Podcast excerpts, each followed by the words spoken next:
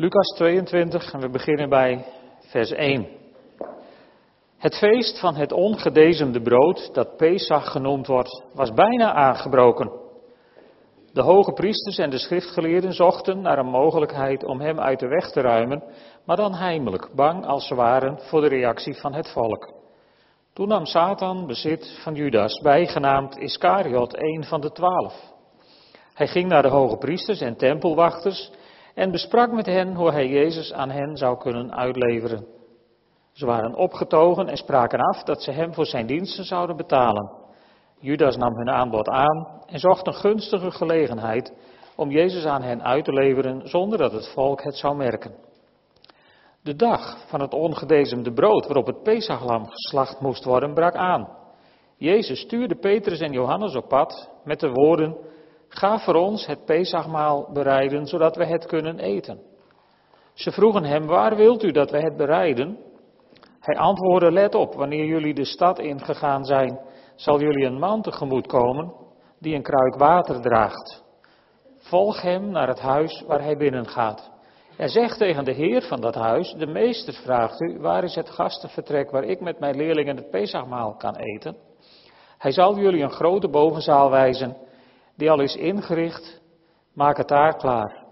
Ze gingen op weg en alles gebeurde zoals hij gezegd had en ze bereidden het Pesachmaal. Toen het zover was, ging hij samen met de apostelen aanliggen voor de maaltijd. Hij zei tegen hen, ik heb er hevig naar verlangd dit Pesachmaal met jullie te eten voor de tijd van mijn lijden aanbreekt.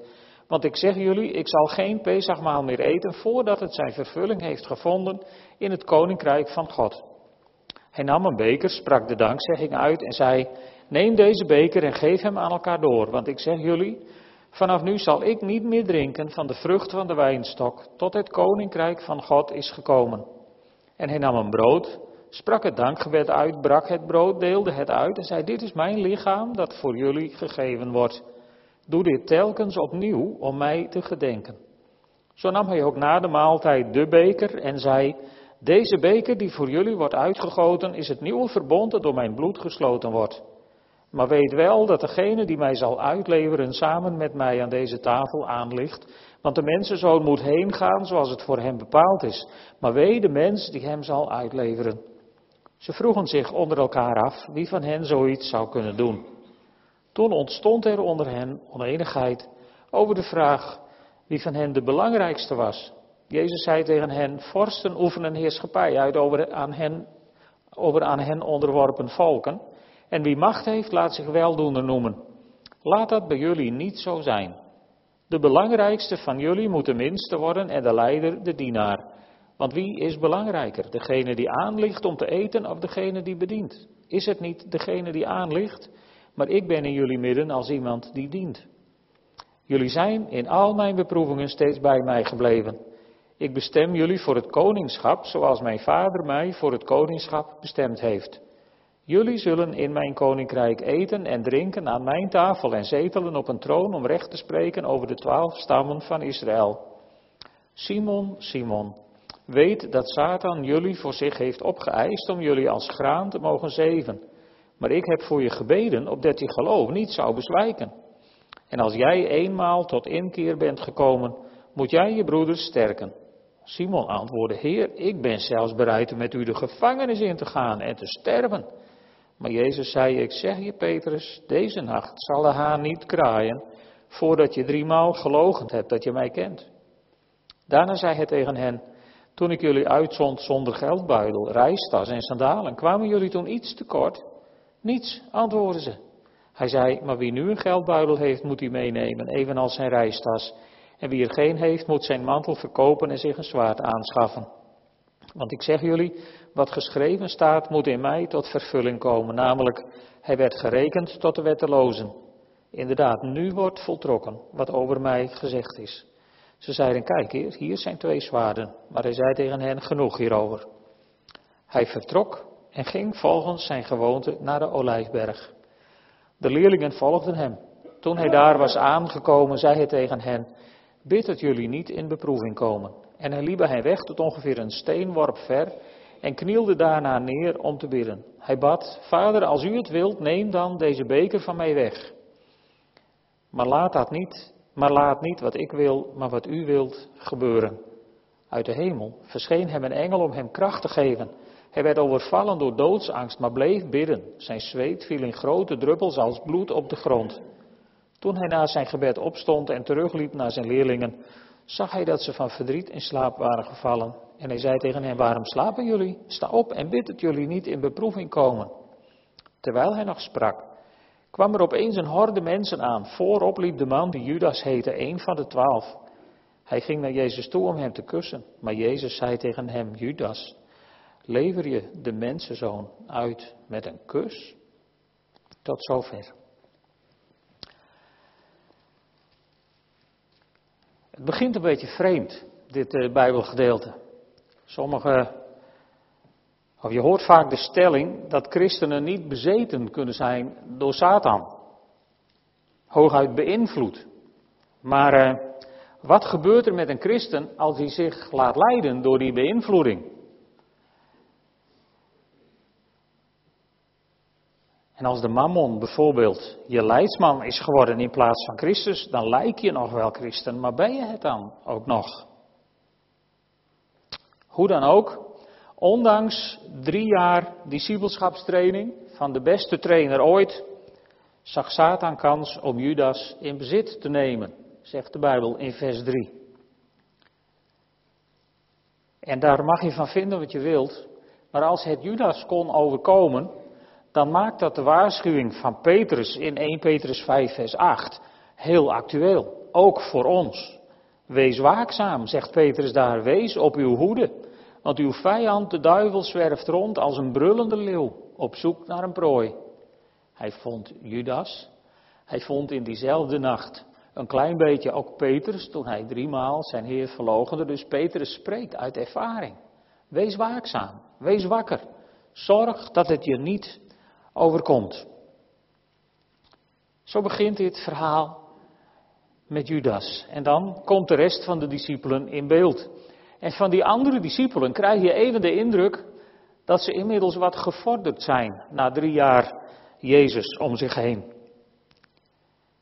Ze krijgen van Jezus een opdracht om het Pesachmaal gereed te maken.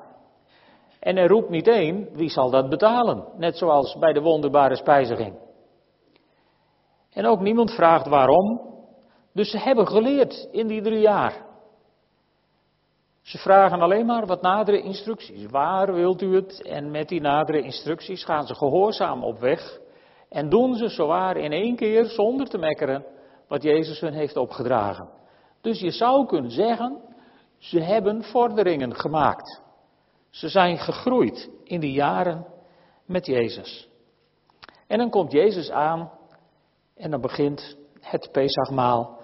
En Jezus begint met die wonderlijke woorden, ik heb er hevig naar verlangd. Terwijl hij wist wat er ging gebeuren.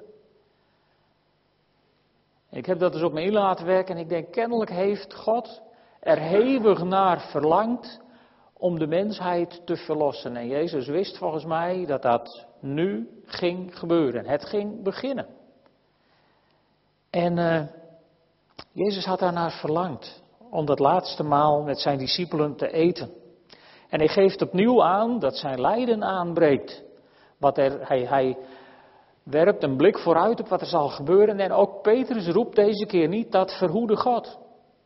Ook Petrus heeft geleerd in de afgelopen jaren.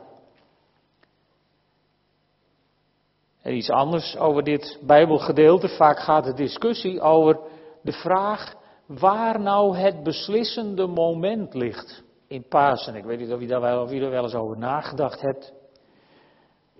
Sommige mensen die zeggen nou het beslissende moment was in de hof van Gethsemane. Toen Jezus zei niet mijn wil maar uw wil geschieden.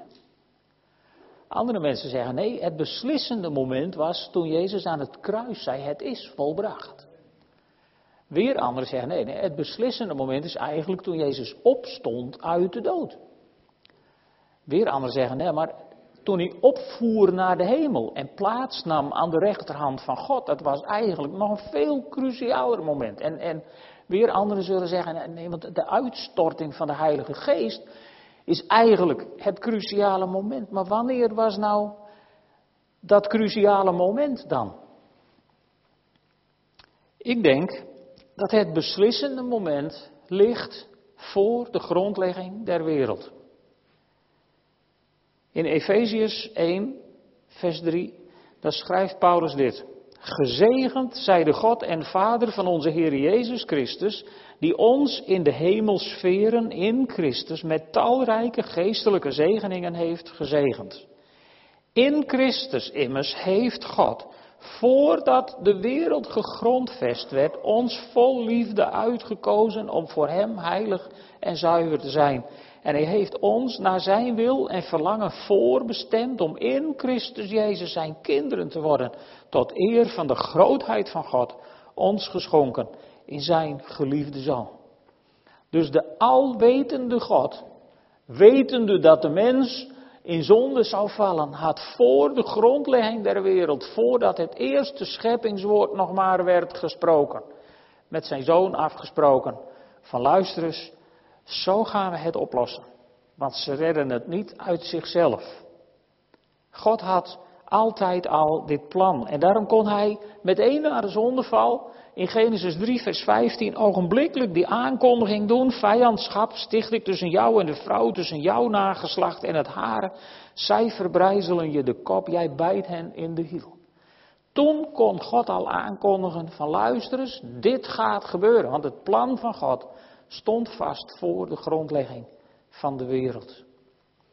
En, en, en wat er nu gebeurt, waar Jezus hevig naar verlangd had, was dat dat plan eindelijk in werking zou treden, dat het zou beginnen, dat de verlossing van de mensheid zijn eerste schreden zou zetten. En dan zie je die discipelen, die kennelijk toch iets minder gevorderd waren dan wij in eerste instantie zouden denken. Want als Jezus heeft aangekondigd dat een van hen hem zal verraden, barst ogenblikkelijk de discussie los wie dan wel de schuldige zou zijn. En weet je, als je schuldigen gaat zoeken, als je de discussie toelaat wie de minste is, kom je onvermijdelijk in de discussie wie de meeste is. Dat blijft niet uit. Het ene leidt automatisch tot het andere. En daarom zouden we dat als christenen onder elkaar helemaal niet meer moeten willen. We hoeven niet op zoek naar schuldigen als er eens een keer iets is, want weet je, de Heilige Geest overtuigt van zonde. Daar hoeven wij ons niet mee te bemoeien. We zijn hardleers daarin, allemaal. Want allemaal hebben we heel gauw die neiging om als er iets is te kijken van ja, aan wie ligt het nou? Dat is ons ook een beetje ja, dat wordt ons ook een beetje, een beetje met de paplepel ingegoten, zou je kunnen zeggen. Want er kan niets misgaan in dit land. Of er worden journaaluitzendingen en achter het nieuws uitzendingen en whatever voor uitzendingen urenlang gewijd aan de vraag van hoe dat nou toch zo gekund heeft en wie zijn schuld het dan wel niet is. Zo zitten we een beetje in elkaar. Het is een beetje een teken van deze tijd. Maar we moeten als christenen oppassen dat we daar niet aan beginnen. Want wat Jezus ons meegeeft is van jongens, de heersers van deze tijd, die heersen over hun volken. En bij jullie, zegt hij, moet het anders zijn. Eigenlijk is wat in ons visiedocument staat over dienend leiderschap hierop gebaseerd, op deze woorden. Jezus wil dat we het anders doen. Anders dan de wereld. Dienend. En dan komt daar op een prachtige manier die eigenwijze Petrus naar voren. In een andere evangelie staat dat Jezus zegt, iedereen zal mij verlaten zometeen en op de vlucht slaan. En dan zegt Petrus, nou zij wel, maar ik niet. Ik ben bereid om voor u te sterven. En, en hij is degene die de geschiedenis vervolgens ironisch genoeg ingaat. Als degene die drie keer in doodsangst heeft geroepen. Jezus, nooit van gehoord hoor. Nee, daar hoor ik niet bij. Dus ook een voorbeeld voor ons. Petrus waarschuwt ons, wees waakzaam, Satan gaat rond als een briesende leeuw. En laten we oppassen, want, want voordat je het weet, ben je als Petrus in een penibele situatie. Voordat je het weet, sla je ook op de vlucht als het nood dreigt. Voordat je het weet, val je ook in slaap, terwijl onze heiland zijn doodstrijd voert, daar in de hof van Gethsemane. Want wij, we zijn zeker niet beter dan zij. Daarom staan die verhalen ook in de Bijbel, om ons te laten zien wat je kan overkomen als mens in je menselijke zwakheden. En dan tenslotte iets over die beker, waar Jezus zo van gruwde, dat hij de Vader vroeg of die ook voorbij zou kunnen gaan. Ik denk dat Jezus in die beker werd geconfronteerd met alle perversiteit van de gevallen schepping. En dat moet een gruwelijke aanblik geweest zijn. Want normaal gesproken bidden Joden, hoe? Staande met opgeheven handen. En er staat in onze Bijbel wel, wel heel netjes omschreven dat Jezus neerknielde. En daar heb je misschien een heel verheven idee bij. Op een leuk knielbankje met een kussentje zodat hij niet smerig werd en zo. Maar Jezus wierp zich ter aarde. In ware doodsnood stortte hij zich op de grond. En toen begon hij aan een zin. Het valt in het Nederlands niet zo op. Het is in onze taal een hele mooie volzin geworden. Vader, als u het wilt, laat deze beker aan mij voorbij gaan, komma. Maar in het Grieks is die zin niet af. Eigenlijk staat er dat Jezus tegen zijn vader begint van voorbijgaande deze beker zouden we niet. En dan is het alsof hij zegt, ach nee, dat was ook de bedoeling niet. Niet wat ik wil, maar wat u wil geschieden. Het was een gedachte die kennelijk in Jezus opschoot en begon over zijn lippen te komen en voordat hij de zin netjes had afgemaakt, bedacht hij zich en schikte hij zich in de afspraak die hij had met zijn vader van voor de grondlegging der wereld. Een oude afspraak. Die moest worden ingevuld. En zo onderwerpt Jezus zich aan die afspraak. Aan de wil van de Vader, aan dat wat ze samen hadden afgesproken. Om ons te redden. En dan gebeurt er iets wat in mensenlevens wel vaker gebeurt. Jezus had het uitgeroepen in zijn doodsnood naar God. En dan staat er, er kwam een engel. En die engel die loste niet het probleem op. Dat zouden wij vaak wel willen. We hebben allemaal vast situaties in ons leven of situaties gekend. En anders gaan we ze nog wel kennen.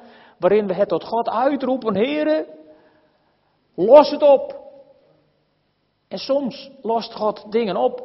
Tot onze verbazing, daarom noemen we dat ook een wonder. Maar heel vaak lost God het ook niet op op de manier waarop wij willen.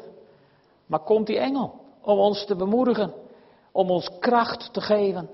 En zo zie je mensen die door de wereld een veerkracht toebedeeld krijgen die opvallend is. En laat ik je zeggen, ik geloof niet in die opvallende veerkracht. Ik geloof in de kracht van de Heilige Geest in mensen. Die, die, die beschikbaar komt op zulke momenten als je het uitroept tot God, Heere, help me, want ik weet het niet meer. Kan deze beker ook van mij worden weggenomen? Er komt een engel. Die troostte Jezus. En die gaf hem de kracht om de weg te gaan die voor hem lag. Een ervaring die veel gelovigen ergens in hun leven hebben gehad. En anders hoop ik dat je die ervaringen gaat krijgen. Niet om de ellende die erbij hoort, maar om de kracht die je van God ontvangt. Om te beleven dat het echt is wat in het woord van God staat. Dat God je nooit laat zitten in ieder geval met je ellende. Hij komt je tegemoet en hij komt je te hulp. Daarvoor is het Pasen geworden. Om dat voor ons mogelijk te maken. En dan, ja, dan staat er nog iets. Kijk, dat Judas hem kwam verraden, dat wist Jezus. Maar dat hij hem kwam verraden met een kus, dat lijkt zelfs Jezus te verbazen. En weet je, Jezus had gekeken in de beker van de perversiteit van de gevallen schepping. En dat Judas Jezus verraadt met een kus, dat zegt alles over de perversiteit van een wereld onder de heerschappij van Satan. De meest basale liefdesuiting, de meest basale uiting van genegenheid tussen mensen in alle culturen, op elk hoekje van deze aardbodem, die meest basale liefdesuiting, die wordt gebruikt om Jezus te verraden. Hoe cynisch kun je worden? Nou, Satan is ongelooflijk cynisch. En, en, en als je vandaag iets van het proces in Leeuwarden hebt gevolgd, dan krijg je wat indrukken hoe cynisch Satan is. En wat er gebeurt als Satan bezit van iemand neemt. Ik kan me voorstellen dat die arme man dat daar voor de rechtbank zo niet gaat zeggen. Want het past natuurlijk niet in onze juridisch taalgebruik. Maar als je er toch naar kijkt, dan denk ik mensen, dit gebeurt als Satan de kans krijgt bezit van iemand te nemen. Dan hoeft niks je te verbazen. Dan is zelfs een eenvoudige zoen, waarmee je iemand begroet, een teken van verraad geworden. Het verbaast Jezus. En dan begint het proces van verhoor, van lijden, van sterven. Daar zullen we morgen bij stilstaan. Maar de clue van het verhaal is dat doordat Jezus liet gebeuren wat hij met zijn vader had afgesproken. En, en er wordt zelfs gezegd in het lijdensverhaal, hij zou legioenen engelen kunnen laten komen om te verhinderen dat mensen met hem deden wat ze met hem deden. Maar hij koos daar niet voor. Hij koos ervoor om voor jou en mij een eeuwige verzoening te bewerken bij God, de Vader in de hemel. Hij liet het gebeuren. Zoals Paulus het zegt in Romeinen 5, vers 8. Maar God bewees ons zijn liefde doordat Christus voor ons gestorven is toen wij nog zondaars waren. Hij deed het niet omdat wij al heilig waren, hij deed het toen wij nog zondaars waren. En hij deed het voor elke zondaar op deze aardbodem tot aan het einde der tijden. Voor iedereen die Jezus niet kent als zijn verlosser en zaligmaker, daarvoor deed hij het. En hij gaf ons de schone taak mee om die zondaren te vertellen wat Jezus voor hen heeft gedaan. En omdat Jezus die gruwelijke beker tot de bodem leeg dronk, mogen wij de beker van het nieuwe verbond drinken, die gevuld is met zoete wijn. Hij de gal en de zurigheid en de bitterheid, en wij de goede wijn van genade. Zullen we opstaan en samen de Heer daarvoor danken?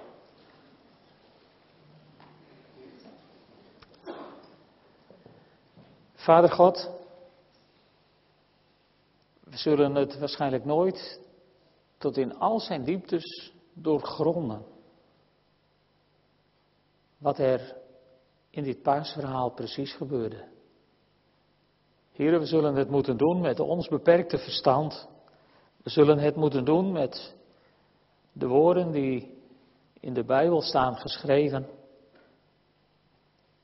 En ik bid u, heren, laat in ons gevoel ook, ook iets opvlammen van dankbaarheid, van liefde, van bewondering, van verbijstering. Dat u zo ver wilde gaan voor ons toen wij nog zondaren waren. Heren, dank u wel dat wij bij de mensen mogen horen die dat blijde nieuws hebben meegekregen. Dank u wel dat wij daaruit mogen leven. Heere God, ik dank u wel voor uw grenzeloze genade. En ik bid u om een zegen over het brood en over de wijn. En over de gemeenschap die we samen vieren in het avondmaal. Heere, wilt u ons daarin leiden? Dat bid ik van u in de naam van Jezus. Amen.